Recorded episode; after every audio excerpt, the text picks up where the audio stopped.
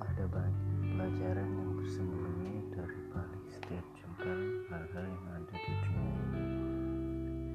Hanya saja kita tidak tahu sebenarnya kebaikan-kebaikan itu dekat bila kita lebih dalam untuk melihatnya. Kebaikan ada di sekeliling kita. Kita yang terkadang abai dari mengambil makna dan juga menyadari kehadirannya.